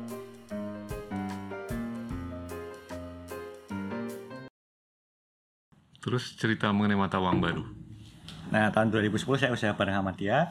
Tahun 2012 dia cerita ada mata uang baru yang berbasiskan blockchain, desentralisasi. Di tahun 2012 itu kata blockchain nggak ada sih. Jadi kita nyebutnya terdesentralisasi. Karena sebenarnya istilah blockchain kan baru benar-benar ada di tahun 2015. Ya. Nah, waktu kita ngobrol-ngobrol itulah kemudian William mengconvince saya bahwa Bitcoin itu sesuatu yang spesial biarpun pada awalnya saya sangat ske- ske- skeptis. Kenapa? Karena pengalaman saya bergerak di e-money ya kebanyakan. Saya waktu saya trading di forex dulu kan saya uh, pakai banyak e-money. Ada e-gold, ada Liberty Reserve, ada money bookers, lain sebagainya. Semua e-money ini kecuali PayPal ya ditutup oleh FBI. Kenapa? Karena semua yang berhubungan dengan internasional uh, money kalau dia meleset sedikit itu FBI pasti akan turun tangan. Nutup. Jadi Igor kan akhirnya ditutup. Liberty Reserve ditutup. Ya. Eh, Money Booker eh, dia masih jalan tapi cuma untuk dengan porsi yang lebih kecil. Hmm. PayPal karena dia menjalankan dengan izin izin FSA-nya cukup bagus dia tetap jalan. Karena lebih ke US kan daripada di globalnya pada saat itu. Nah saya bilang sama dia ah kalau money internasional itu apa? Apa mungkin sih kalau desentralisasi karena saat itu saya masih berpikir seperti orang kebanyakan Hmm. bahwa sistem software itu pasti ada servernya. Itu pasti tersentral. Iya. tapi justru mungkin karena keskeptisan saya pada saat itu itu membuat saya tahu kenapa orang skeptis. Waktu saya pertama kali menceritakan apa itu Bitcoin. Nah, tahun 2013 eh, setelah itu kan William bikin blog tentang apa itu Bitcoin. Dia menjadi Bitcoin evangelis kan bikin blog lain sebagainya dia coba jual beli Bitcoin dalam skala skala Dia kecil pertama kali beli Bitcoin tahun berapa? Si William. si William tahun 2012 12. Anda? Kita, saya tahun 2013 Oke. Ya. jadi waktu uh, William beli itu harganya masih di bawah 100 ribu rupiah Iya. Kalau saya itu dalam skala masih di bawah satu juta. Ya. Ya. Nah, Tapi prosesnya satu tahun ya sampai anda pertama kali mau beli. betul. Setahun. Skeptisismenya itu tinggi sekali. Karena saya ini kan saya, eh, pengalaman di Imani itu menyat- membuat saya eh, kalau kita sudah melihat beberapa perusahaan tutup Iya. oleh FBI lah, Iya. itu kan eh, sangat negatif, Pak. Iya. Nah, apa yang membedakan Bitcoin dengan Imani itu? Iya. Hmm. Nah, kemudian waktu uh, saya yakin dengan Bitcoin itu, waktu saya lihat bisnisnya William dia bikin blog, dia jual beli Bitcoin, saya ngeliat Bitcoin ternyata sangat menarik. Uh, sistem kerja desentralisasinya sangat berbeda dengan iman yang saya perkirakan sebelumnya. Terus saya bilang sama William, waktu itu William mau berangkat ke Cina, kan. tiga hari sebelum lah, dia mau berangkat ke Cina karena dia ingin mempelajari lebih lanjut tentang Bitcoin. Dia ingin menggali lebih dalam. Saya bilang sama dia, saya mau berangkat deh. Kita ke Cina sama-sama. Kenapa China? Karena Bukan saat itu. Bitcoin cuma ada di dua negara. Ya. Satu US, satu Cina. Betul. US itu eh, base-nya ada uh, Mt. Gox sama Coinbase. Hmm. Di Cina ada BTC Cina, eh, kemudian juga ada eh, apa namanya? Uh, Huobi ya. Waktu itu Huobi baru mulai. Oke. Nah, saya bilang sama William, kita ke Cina deh. Kita berangkat. Kemudian saya buru-buru beli tiket, ngurus visa lain sebagainya. Untung keburu berangkat kita ke Guangzhou. Di Guangzhou itulah kemudian saya bilang sama William, Will, kayak aku tertarik sama bisnis ini. Jadiin aku partner kamu yang setara. Kita kembangin sama bisnis ini. Aku aku percaya kalau bisnis ini kita akan menjadi yang nomor satu di Indonesia. Hmm. Aku akan berusaha semaksimalnya mengeksekusi ide kamu menjadi jauh lebih besar. Hmm. Kemudian Menarik. mungkin karena saya persuasif ya Pak ya. Iya. si William bilang sama saya, "Ah, baiklah kita coba aja. Kemudian di 2013 ke 2014 di awal saya bilang sama dia kita harus buat softwarenya jangan seperti sekarang. Kalau software seperti sekarang itu kan ah, dia menjadi kayak money changernya. Iya. Dulu kayak money changer pak. Dulu namanya bitcoin.co jadi seperti money changer. Kita nentuin harga, kita nentuin ah, apa kuantitinya berapa, nilai beli nilai jualnya berapa. Saya saya saya melihat ini agak susah ini karena Hmm. Kalau kita punya barang, Iya. kita cuma bisa menjual paling segini aja. Betul. Tapi kalau kita membantu menjualkan barang orang lain, bisa jauh lebih besar. Hmm. Makanya sistem Bitcoin.co.id atau Indodax kemudian diubah menjadi sistem dengan order book. Kita menjadi pengaman transaksi aja. Ya. Nah, makanya Februari 2014, nah di Februari 2014 itulah kemudian Bitcoin.co.id atau Indodax launch. Menarik. Terus sempat ke Bali kan? Sempat ke Bali. Kenapa? Eh, waktu kita di awal 2014 kita melihat perkembangan Bitcoin Bitcoin.co.id itu bagus, tapi belum terlalu berkembang signifikan. Iya. Kita melihat komunitas terbesarnya itu ada di Bali. Karena kalangan ekspat di sana itu pakai Bitcoin. Iya. Makanya kemudian saya dan William memutuskan kita harus pindah ke Bali. Kita harus coba kembangin Bitcoin Island. Kita nyebutnya Bali sebagai Bitcoin Island. Nah, kemudian kita pindah ke Bali, kita kenalkan Bitcoin pada banyak hotel. Akhirnya ada banyak hotel yang terima Bitcoin sebagai pembayaran waktu itu. Restoran juga terima. Menarik. Dan kita bikin kantor kecil di pinggir jalan Kute gitu Pak. Kantor kecil yang tempat ada ATM Bitcoinnya, orang tanya jawab tentang Bitcoin. Kantornya kecil, ukurannya cuma 4 kali 3 empat kali eh empat kali empat empat kali lima empat kali lima dan nggak ada kamar mandinya itu kantornya berkesan buat saya karena kamar mandinya di belakang bareng sama landlordnya kita dikasih kamar mandi yang di ujung Di yang mana nih di Bali? di Kute Di Kuta. Oke. kan Kute kan belakangnya ada perumahan Hmm. perumahan orang-orang Bali Hmm. kita dikasih kamar mandi yang yang entah kenapa di kamar mandi itu selalu ada kecoa gitu dan saya kan paling takut sama kecoa saya tuh fobia kecoa tapi setiap kali saya ke kamar mandi saya harus melihat kecoa gitu jadi saya selalu ikut sama kantor itu Ini, ini tahun berapa? 2015. 2015. Oke. nah salah satu yang membedakan Indodax dengan perusahaan-perusahaan startup kebanyakan sekarang Ya. adalah kita itu bootstrap Hmm. kita bootstrap all the way dari dulu sampai sekarang. Kita selalu memastikan bahwa bisnis itu harus kuat di fondasi. Ya. Bisnis itu bukan tentang mencari uh, uang investor, tapi bisnis tentang bagaimana melayani customer kita, bagaimana memastikan itu cukup untuk operasional juga. Iya. Nah, waktu itu makanya kita sewa cuma bisa Ya di seperti pengalaman waktu jualan majalah lah. Betul, Pak. Iya kan? Kalau kita waktu itu jualan majalah cuma hidup dari sekolah, itu mungkin. Iya. Tapi itu bukan bisnis. Iya. Nah, kemudian makanya uh, kalau kita bicara Indodax, kantor kita memang nggak kelihatan wah pada awalnya. Karena memang kita mencukupi sesuai dengan Iya. porsi kekuatan kita. Betul. Berapa karyawan? Karyawan kita waktu itu empat orang. Termasuk kita, Anda William.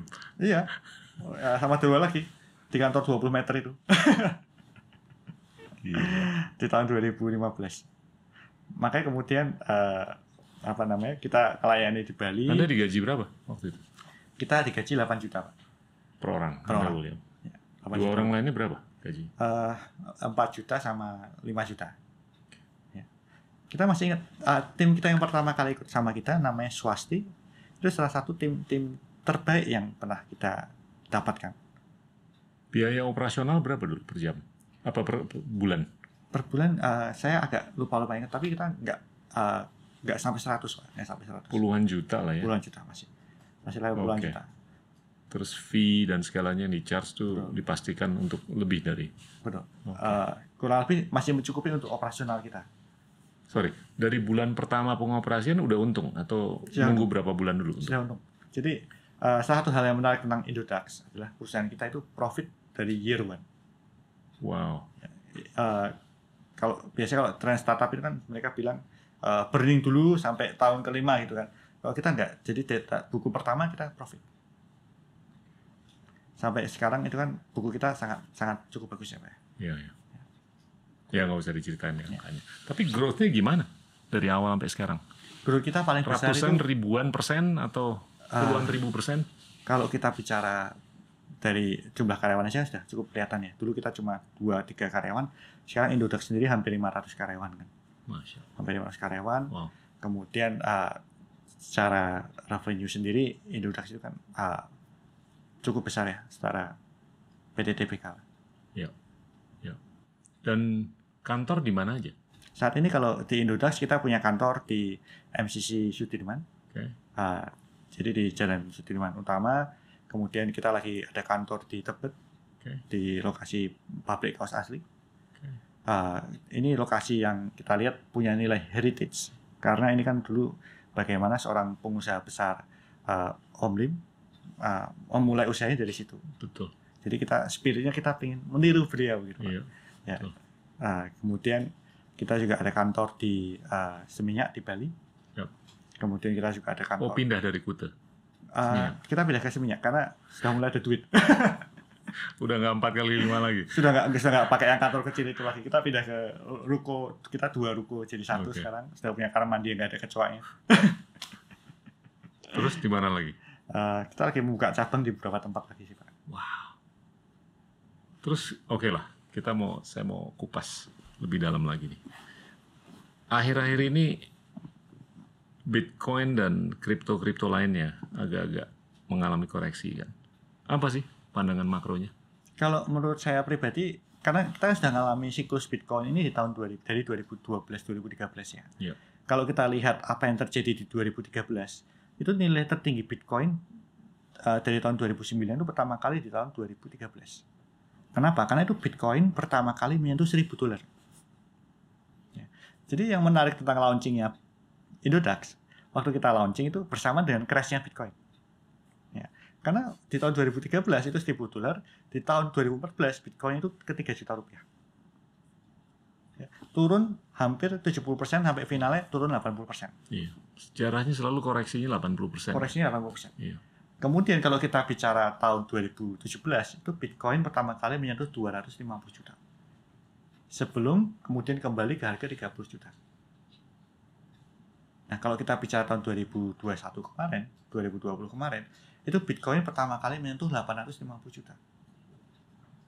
Yang menurut saya kalau memang koreksi yang sama terjadi, 80% ke Bisa 12-14 ribu lah ya. Iya.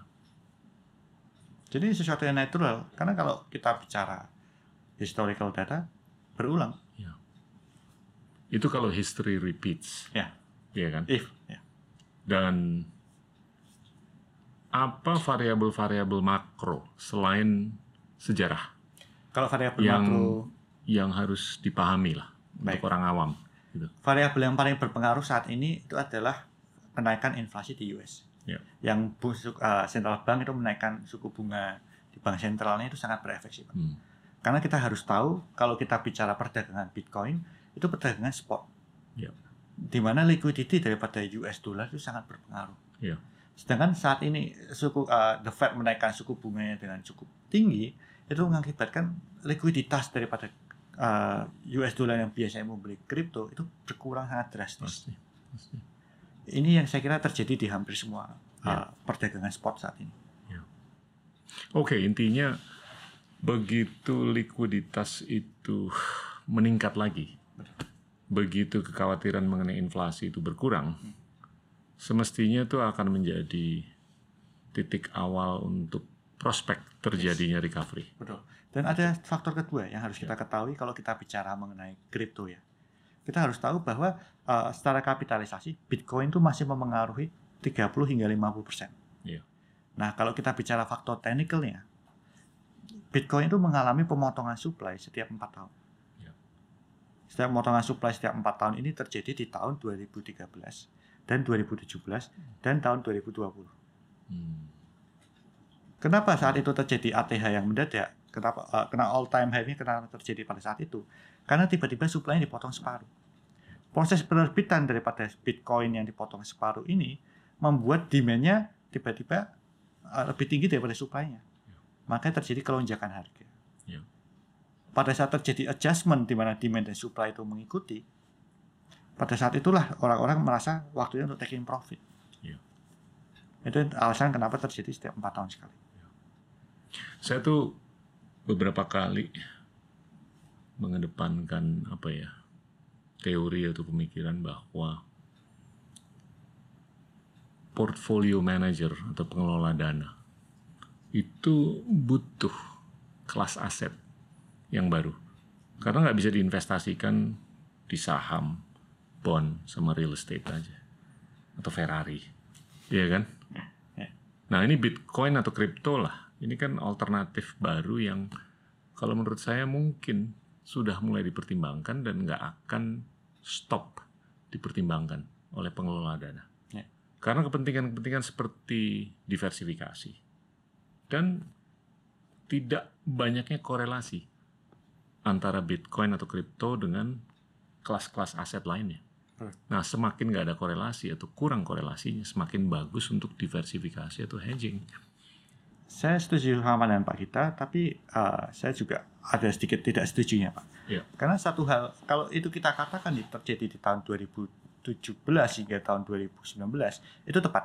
Iya. Karena tidak ada korelasi antara pergerakan harga kripto dengan yang lainnya. Iya. Tapi kalau kita lihat apa yang terjadi di tahun 2020 hingga tahun 2022, Meningkat korelasinya. korelasi antara uh, pergerakan indeks saham uh, uh, teknologi dengan kripto ini beriringan. Iya.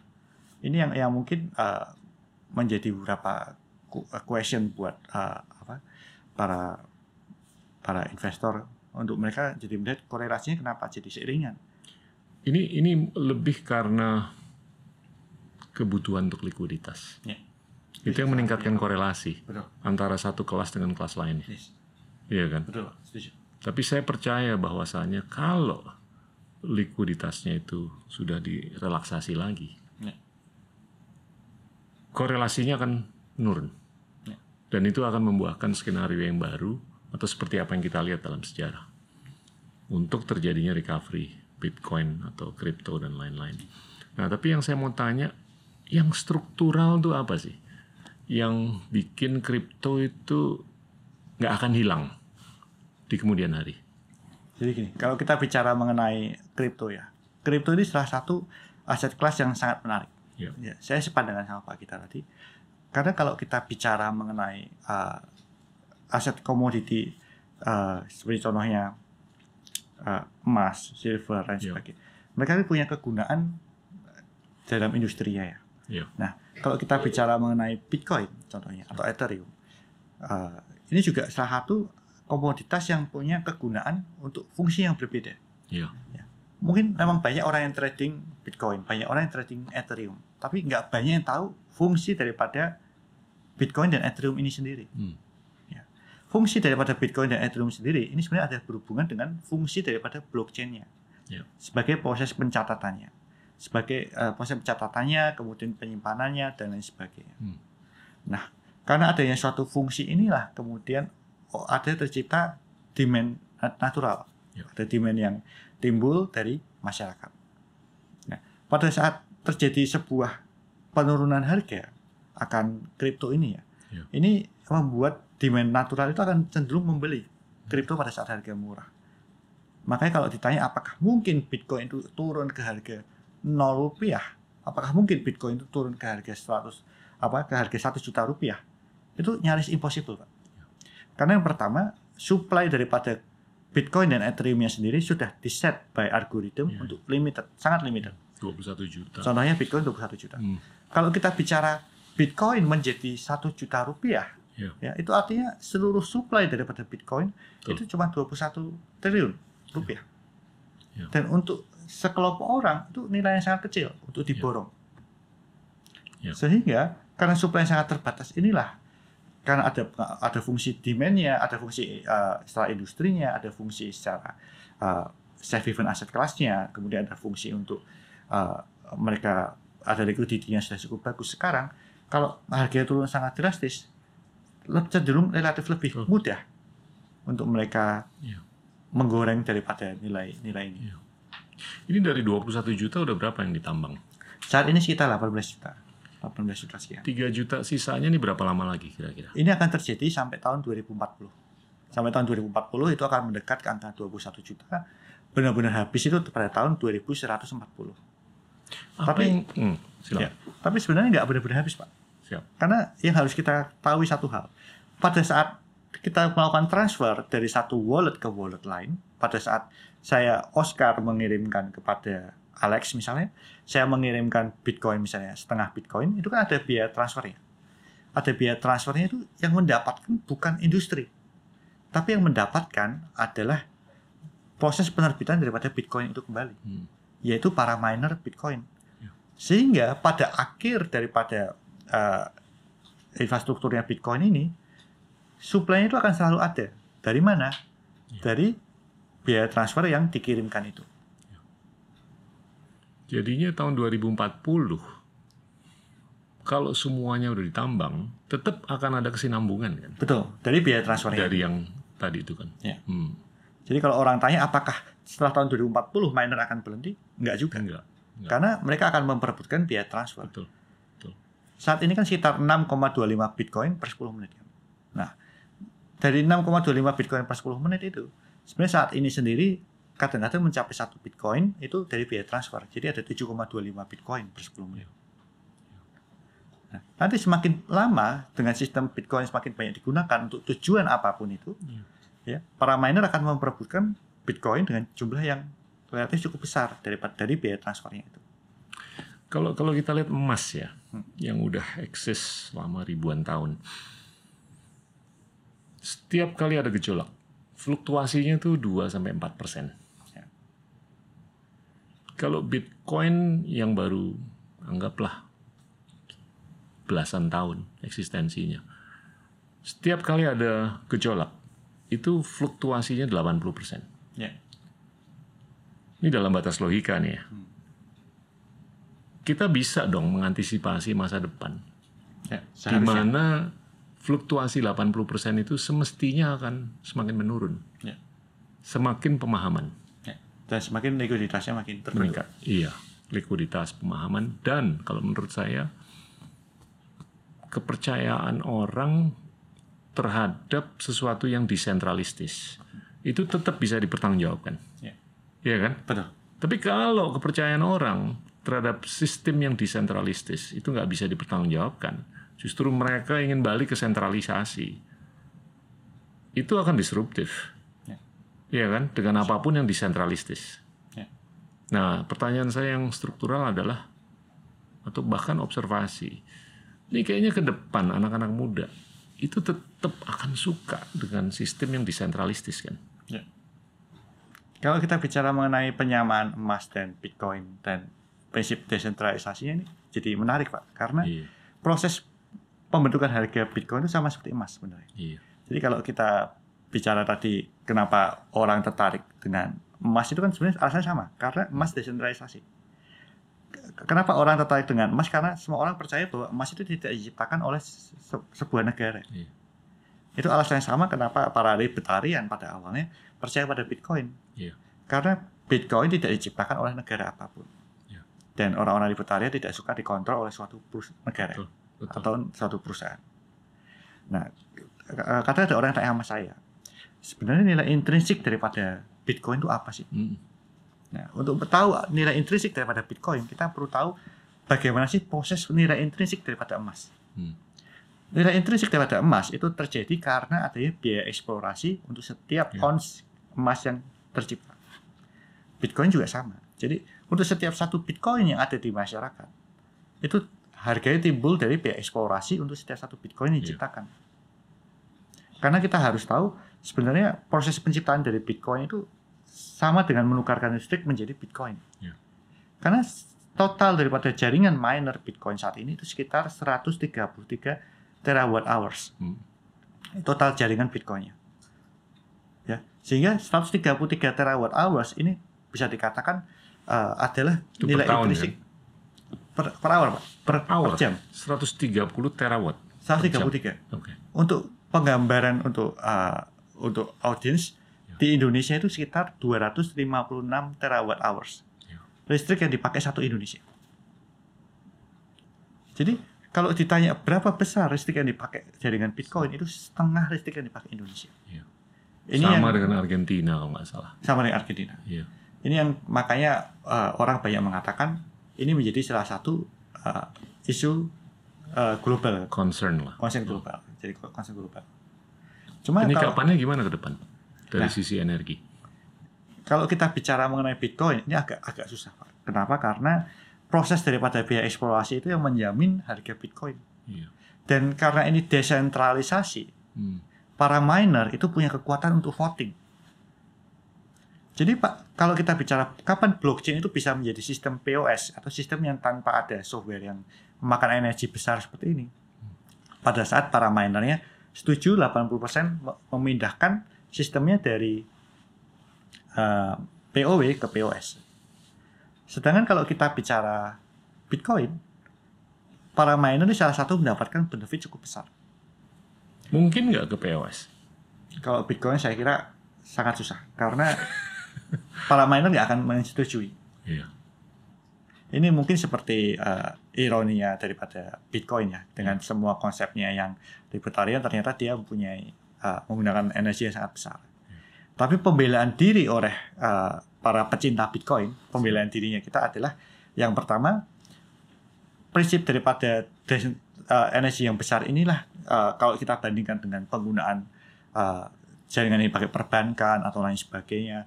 Kemudian kita bicara sistem efisiensi daripada penyimpanan Bitcoin. Kemudian eh, energi itu men- menjamin supaya Bitcoin nggak bisa di brute force, Pak. Ya. Dan itu masih relatif lebih kecil karena ini adalah sistem mata uang global. Iya.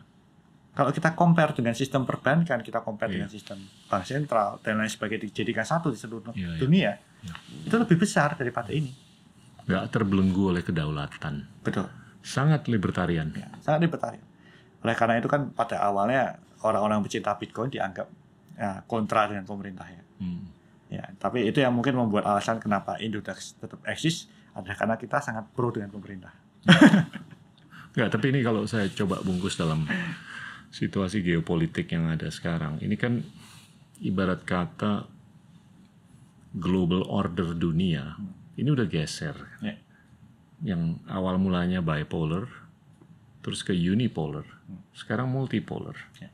Semakin dunia ini multipolar, semakin orang agak-agak bingung kan dan semakin orang mencari sesuatu yang nggak perlu terbelenggu oleh kedaulatan atau apa pun lah batasan-batasan. Jadi semakin kepentingan untuk terus dilakukannya desentralisasi Ya. itu bisa dipertanggungjawabkan. Betul.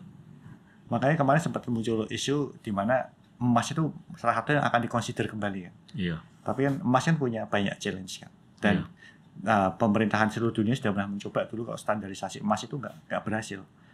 Karena jumlahnya terlalu limited untuk menjadi Secara matematis nggak mungkin. nggak mungkin. Karena Impossible. uang yang beredar itu udah jauh lebih banyak daripada Yes. pasok emas yang udah dikumpulkan dan akan dikumpulkan Betul. ke depan. Sudah impossible. Terlalu terlalu sedikit. Iya. Nah, makanya kalau kita bicara mengenai itu uh, konsep daripada blockchain ini salah satu yang sangat sangat make sense itu. Iya. Dan kalau kita bicara mengenai ego setiap negara, setiap negara kan pengen mata uangnya sendiri nih. Iya. Makanya kenapa Bitcoin itu menarik karena Bitcoin adalah salah satu yang tidak dikontrol oleh negara mana pun. Iya, betul.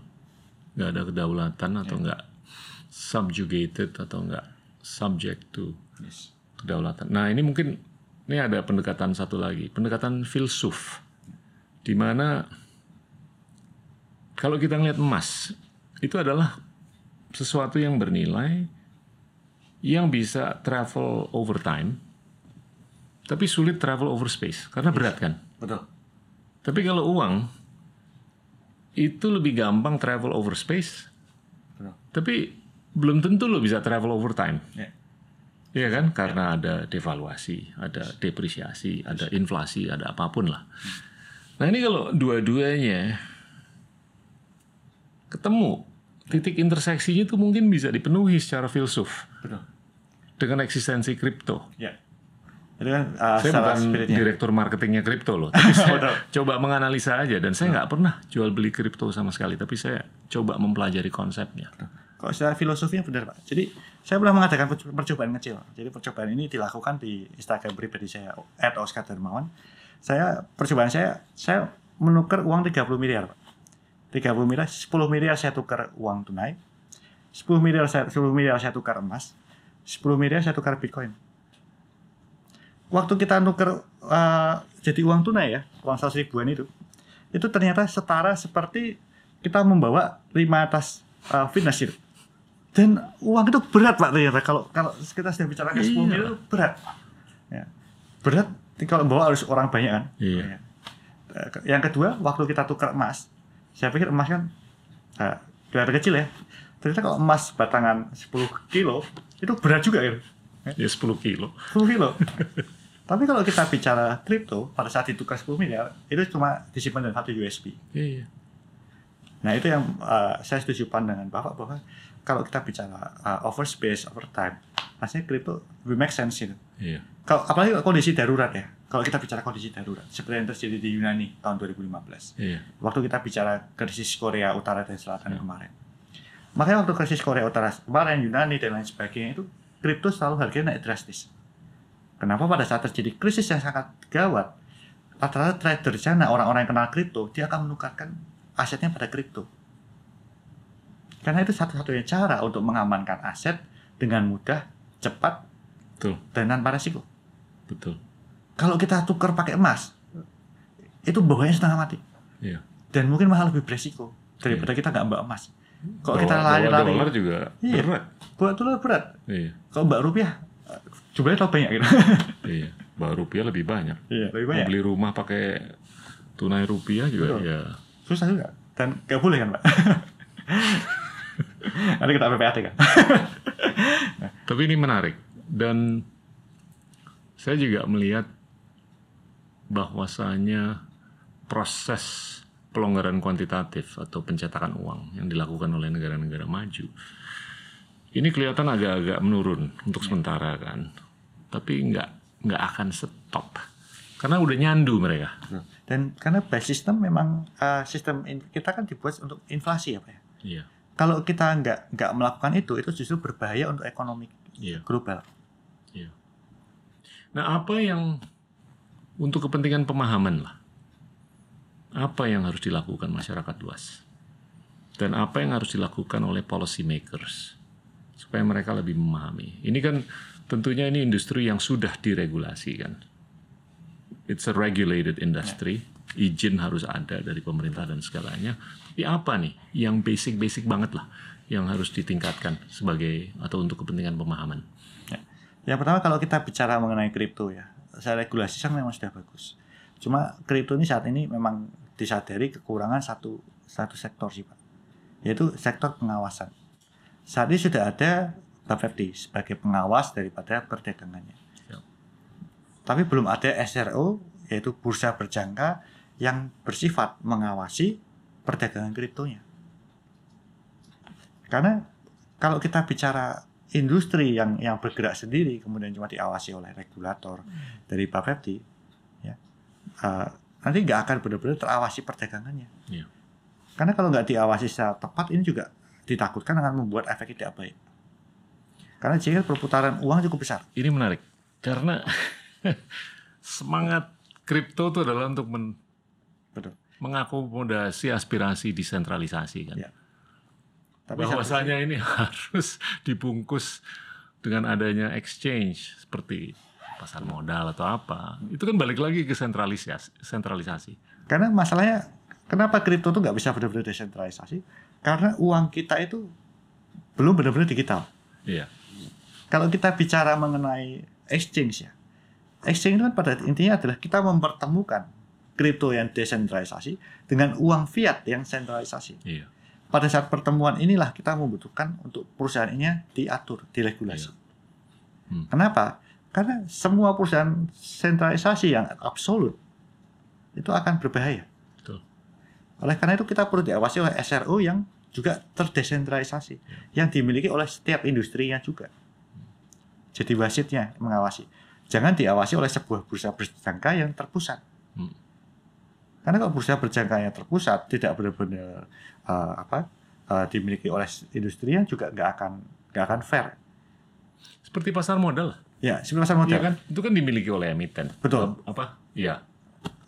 oleh banyak banyak eh, banyak perusahaan gitu pak. Mm-mm. Ya, jadi kalau kita bicara mengenai eh, kripto, ya memang ini ironinya adalah exchange-nya adalah sentralisasi. Hmm. Tapi yang sentralisasi ini kalau diawasi oleh SRO yang tepat, oleh bursa berjangka yang tepat, dan dipandu oleh Bapepti, ini akan jadi pasar yang baik. Iya. Karena saat ini perputaran pasar daripada kripto itu kan sekitar eh, hampir mencapai 1000 triliun ya dalam tahun lalu ya, Dalam satu tahun. dan satu tahun. Ini kalau nggak Seribu diawasi, triliun. hampir mendekati 1000 triliun. Wow. kalau nggak diawasi dengan tepat itu akan eh, efeknya nggak akan baik juga karena masalahnya kalau industrinya sudah tahu dan benar melakukannya itu akan baik tapi kalau mereka dalam tanda kutip ternyata memasukkan angka-angka lain sebagainya itu kan nggak nggak baik pak Iya.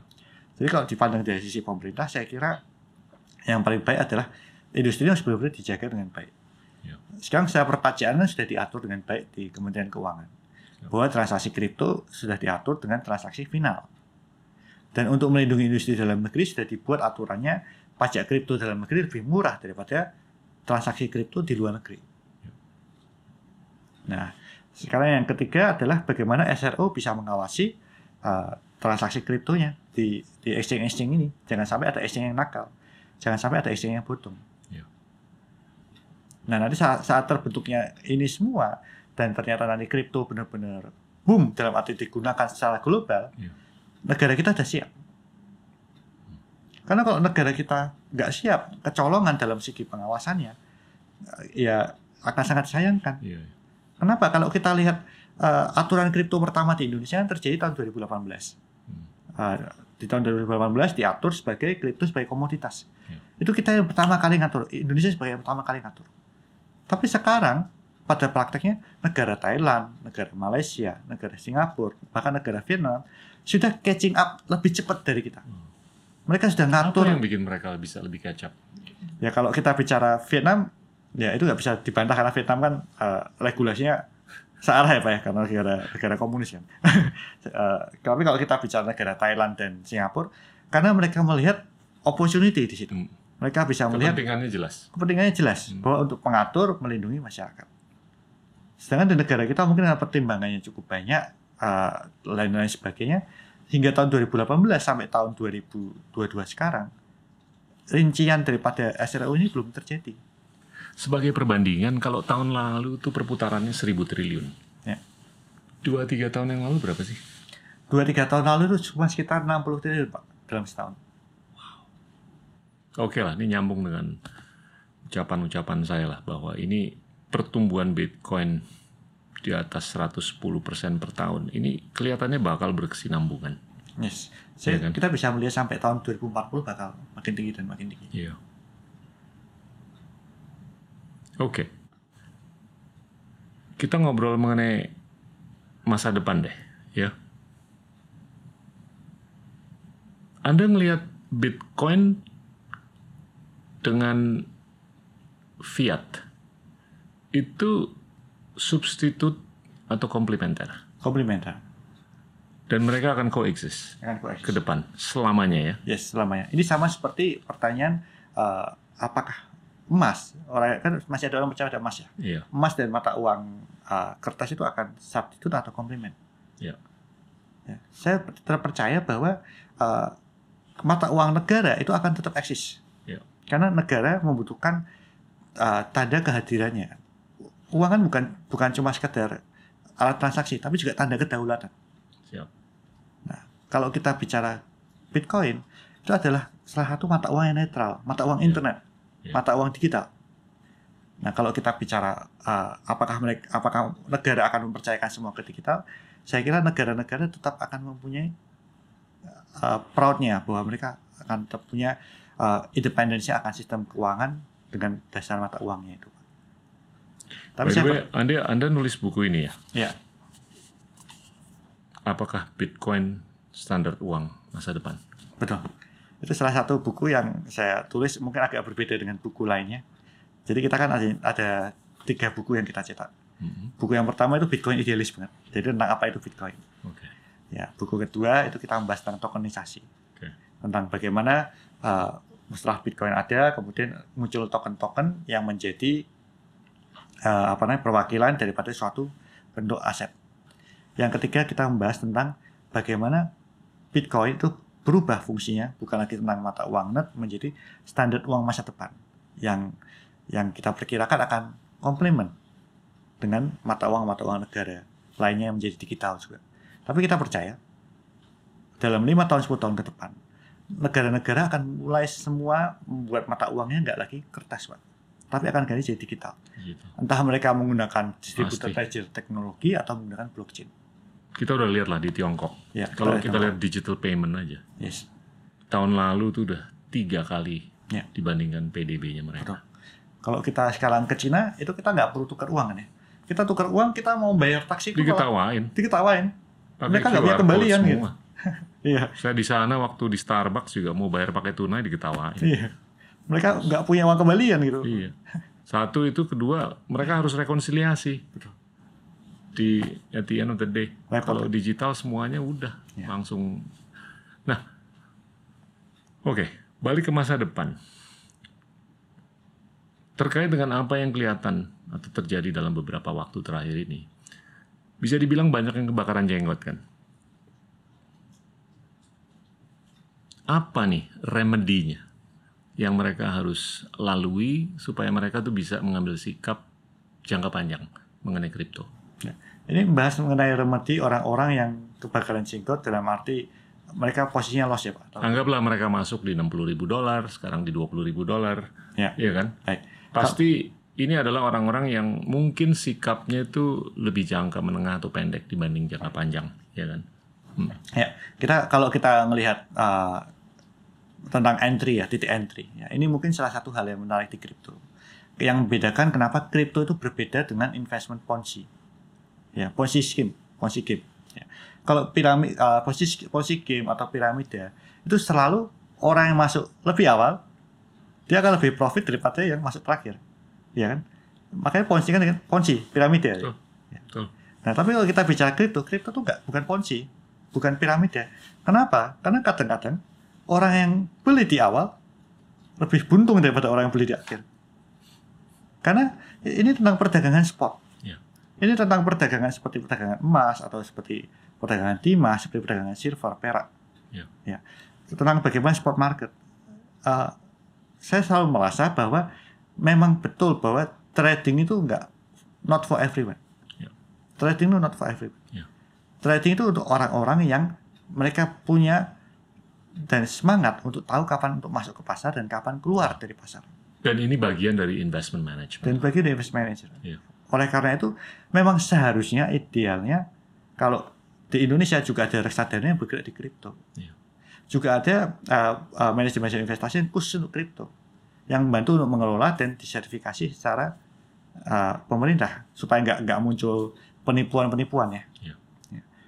Karena seperti yang dilakukan di US dengan adanya reksadana kripto atau indeks di kripto itu lebih mudah untuk orang-orang awam. Betul. Betul. Karena kalau kita bicara mengenai spot Iya. itu nggak nggak gampang dilakuin oleh semua orang. Iya. Cuma saat ini regulasinya kan baru spot. Jadi mau nggak mau orang kalau mau mengenal kripto ya harus trading di spot. Iya. Ya harus trading di Indodax misalnya. Numpang iklan dikit. Betul, betul. Nah kalau kita bicara mengenai kripto ya, eh, kalau kita bicara eh, ini kan kalau kita berdagang spot itu artinya sebenarnya anda tuh nggak benar-benar rugi sebelum anda memutuskan untuk menjual. Jadi kalau misalnya kita beli Bitcoin misalnya di harga 250 juta di tahun 2017, ya, mungkin di tahun 2018 anda akan merasa sangat kepahitan. Wah, Iya. Bitcoin turun jadi 30 juta. Iya. Terus naik lagi. Kalau itu anda jual pada saat Iya, itu, iya. Anda posisinya loss. Tapi kalau Anda tahan sampai tahun 2020 kemarin sampai harga 800 juta, itu Anda untungnya tiga kali lipat. Hmm. Tapi itu kan nggak semua orang punya punya kedewasaan uh, mental investasi seperti itu. Betul. Me- Memang ini ini ini ada caveatnya lah Hmm. kalau kita ngobrol mengenai investasi di apa pun lah, Ya. termasuk di kripto kan, dan juga tergantung dengan time horizon. Ya. Ya semuanya ini sangat tergantung dengan durasi kan. Ya. Kalau durasinya semakin pendek ya kita harus siap terekspos dengan resiko yang itu. Tapi kalau jangka panjang saya percayalah berdasarkan apa yang tadi udah kita bahas. Hmm. Nah, Indonesia 2045 itu menjadi topik yang selalu saya tanyakan Ya. ke narasumber atau tamu lah. Gambarannya gimana sih? Apakah adopsi kripto oleh masyarakat luas di Indonesia itu yang pasti bisa dibilang lebih tinggi daripada sekarang. Apakah lebih tinggi daripada apa yang mungkin kita lihat di negara-negara seperti di Amerika Serikat ataupun di Tiongkok atau di mana pun? Kalau kita bicara uh, selalu setahunnya Indonesia ya, jadi Ya. tahun 2045 ini suatu yang menurut saya sangat menarik. Kenapa? Karena yang pertama kita bicara mengenai potensi populasi Indonesia aja pasti luar biasa besar. Siap. GDP di Indonesia pada saat itu seharusnya mungkin kita menjadi salah satu top uh, lima besar bahkan enam besar. Nomor 4. Perkiraan nomor 4 malahan ya. Siap. ya. Jadi ini sesuatu yang sangat menarik. Tapi uh, GDP yang menjadi nomor 4 atau pasar ekonomi kita uh, keempat itu itu bukan berarti kita akan mempunyai uh, tingkat kekuatan ekonomi setiap orang setara dengan karena itu masih masih tergantung kepada social disparity kan. Tergantung kepada kesenjangan sosial. Kalau kita nggak berhasil mengedukasi uh, penduduk Indonesia, uh, itu kita akan cuma menjadi pasar ekonomi, cuma jadi market. Tapi kita nggak akan uh, masyarakat nggak akan mendapatkan uh, uh, kekuatan ekonomi nggak akan meningkat secara signifikan. Dan edukasi kita kalau nggak berjalan dengan baik, itu akhirnya masyarakat nggak akan bisa mengkecap. Ini kan seperti yang terjadi di India, Pak. Sekarang India itu GDP-nya nomor 6 di dunia. Tapi kalau kita lihat kekuatan individu setiap orangnya itu jauh di bawah. Ya. Pendapatan mereka Betul. uh, bahkan pendapatan mereka bisa dikatakan Indonesia itu lebih baik karena social disparity kita lebih lebih kecil dibandingkan di India. Anda melihat nggak sih Bitcoin atau kripto itu sebagai salah satu jawaban utama untuk isu kesenjangan? Betul. Makanya uh, tadi saya kenapa saya berangkatnya dari edukasi, kenapa edukasi itu penting. Iya. Yang pertama karena untuk memahami desentralisasi itu nggak gampang. Iya. Saya percaya di tahun 2045 rupiah sudah akan menjadi rupiah digital. Tapi rupiah digital ini itu kan sentralisasi.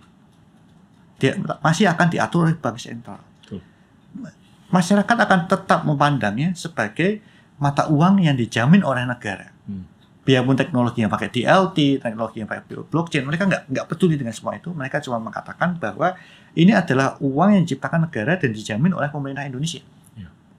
Nah, tapi kalau kita bicara mengenai edukasi itu kenapa penting, pada saat mereka memahami spirit daripada desentralisasi, mereka tahu tentang hak daripada mereka bahwa uang mereka adalah hak mereka, bukan dikontrol oleh suatu entity lah, apa pun itu, itu mereka akan jauh lebih memahami prinsip desentralisasi. Ya. Yang makanya kalau ditanya tentang 2045, harapan saya pada saat itu edukasi kita jauh lebih baik, edu, Ya. sehingga masyarakat kita lebih Harus. memahami Harus. Mm. tentang apa itu blockchain, Ya. memahami tentang apa itu spirit desentralisasi. Karena 2045 itu terlihat lama, tapi sebentar. Itu cuma 20 tahun lagi. Cepet 23 tahun. Cepat, cepat sekali. Dan Saya masih inget tuh tahun 2020. Betul. Tahun 2000. 22 tahun yang lalu. Ya kan? Kayak kemarin aja kan tahun Betul. 2000. kalau Indonesia nggak cepat-cepat mengedukasi masyarakatnya, kondisi masyarakat kita nggak akan berubah. GDP kita akan naik berkali-kali lipat. Tapi masyarakat kita akan seperti ini aja. Bahkan akhir-akhir ini saya tuh sempat berpikir dan sedikit berhipotesa bahwasanya kita tuh gembar-gembor bicara mengenai inklusi, ya kan? Ya. Tapi apakah inklusi itu benar-benar bisa menjawab Yes. isu kesenjangan? Bahwasanya si Mukidi di Jember dia bisa dapat akses ribu perak, itu nggak menjawab kesenjangan karena si nggak usah sebut nama di Jakarta yang tadinya punya akses seribu dia bisa akses satu T Ya. Iya kan Betul. iya ini naik ini juga naik tapi ini naiknya jauh lebih Jauh. besar daripada si ini dua-duanya included Ya. inklusi ada tapi equality-nya belum tentu Makanya kalau saya ditanya, saya lebih memandang edukasi itu lebih penting daripada lain sebagainya sih, betul Makanya saya sangat, sangat suka spirit Bapak waktu Bapak bikin anu, Bapak kan aktif di edukasi di uh, memberikan Iya. edukasi bahkan di level Sangat. kindergarten ya Pak ya. Iya. Uh, ratusan kindergarten di Indonesia. Uh, kenapa? Karena memang edukasi di awal itu sangat penting menurut saya. Iya. Karena kita mau memberikan akses keuangan, kita mau cerita tentang blockchain, kita mau apa pun, kalau edukasinya itu gak, gak ada, Iya. percuma. Ini seperti yang terjadi sekarang. betul Sekarang akses orang utang tuh gampang loh. Mereka punya Iya. handphone, punya KTP, mereka bisa utang. Iya. Tapi apakah itu menjawab? penggunaannya menangkap? bijak apa enggak belum Enggak tentu juga. Malah sekarang itu Iya. tingkat orang terjerat utang itu lebih tinggi. Iya Karena lebih gampang mereka berutang. iya Utangnya dipakai buat foya-foya, dipakai untuk konsumsi. Iya. Itu berbahaya malahan menurut saya. Iya. Jadi kalau ditanya tentang 2045, menurut saya kuncinya ada di edukasi kita. Edukasi kita harus bagus. Iya. Maka kalau kita lihat apa yang dilakukan Indodax, kita kita kita dari awal kita punya satu program namanya Indodax Academy. Indodax Academy itu bukan cuma cerita tentang bagaimana kita trading, tapi kita cerita tentang mengedukasi masyarakat tentang blockchain. Hmm. Bahkan untuk produk-produk yang sebenarnya nggak kita jual. Hmm. Kita semua kita berikan gratis ke masyarakat lewat Indodax Academy. Yang kedua kita melakukan CSR. CSR kita kita kita punya CSR untuk mengedukasi masyarakat. Berupa bantuan sosial, berupa uh, uh, apa? Kita juga mengadakan workshop-workshop, kelas-kelas lain sebagainya. Kita ada bangun beberapa sekolah juga. Karena kita percaya kalau kita mau Indonesia benar-benar bagus di kemerdekaannya nanti 100 tahun, edukasinya harus dibangun. Dua lagi pertanyaan. Ini udah agak-agak lama nih, tapi seru. Anda ngelihat nggak sih skenario Indonesia itu bisa seperti El Salvador yang mengadopsi Bitcoin sebagai currency-nya? Kalau kita lihat semangat El Salvador, ya, itu mungkin tantangannya ada di parlemen kita, bukan di eksekutif. Oke. Kenapa? 2045. Karena 2045. Hmm. Uh, hal itu memungkinkan selama undang-undang mau diubah. Tapi proses pengubahan undang-undang di kita kan nggak nggak gampang. Karena salah satu challenge yang kenapa kita nggak bisa melakukan itu adalah karena kita ada undang-undang mata uang rupiah. Hmm. Undang-undang rupiah harus diubah untuk memungkinkan kita bisa selain daripada rupiah untuk digunakan. Tapi kalau kita bicara selain rupiah digunakan itu efeknya jadi makro kan. Jadi mungkin apakah mungkin 2045 kita seperti El Salvador? Mungkin akan susah. Tapi apakah mungkin kalau devisa kita sebagian akan berbentuk berupa Bitcoin? Mungkin. Itu possible. Mungkin. Itu possible. Saya ngelihat ke sana. Tapi kalau untuk sebagai alat pembayaran, Bagian dari diversifikasi, Ya. bagian dari apa pun lah. betul Pak. Setuju. Iya. Pertanyaan terakhir, kita udah dengar banyak mengenai your upbringing. Anything you would have done differently? Saya tipe orang yang tidak pernah menyesal dengan apa yang saya perbuat. Iya. Karena saya tahu titik titik di sini itu menentukan titik saya berikutnya. Cuma saya orang yang berpandangan bahwa masa lalu itu penting tapi tidak segalanya. Tapi yang penting adalah masa depan. Ya. Masa depan itu tidak bersalah. Masa depan itu adalah sebuah garis putih yang akan kita warnai. Jadi apakah ada yang suatu saya sesali? Ya mungkin cuma yang tadi saya eh, omongkan bahwa masalah ibu saya. Tapi Siap. itu bukan benar-benar sesuatu yang akan saya ubah juga. Ya. Karena mungkin You can only learn. Ya, kita, kita From your cuma bisa belajar dari kesalahan kita. Ya. Tapi kita bagaimana kita bersikap ke depan itu jauh lebih penting. Wow, menarik sekali, Oscar. Thank you, Pak Terima Kita. kasih Saya banyak belajar dari Pak Kita. bisa hadir di Endgame. Siap. Teman-teman, itulah Oscar Darmawan, CEO founder dari Indodax dan Bapak Bitcoin Indonesia. Terima kasih banyak. Inilah Endgame,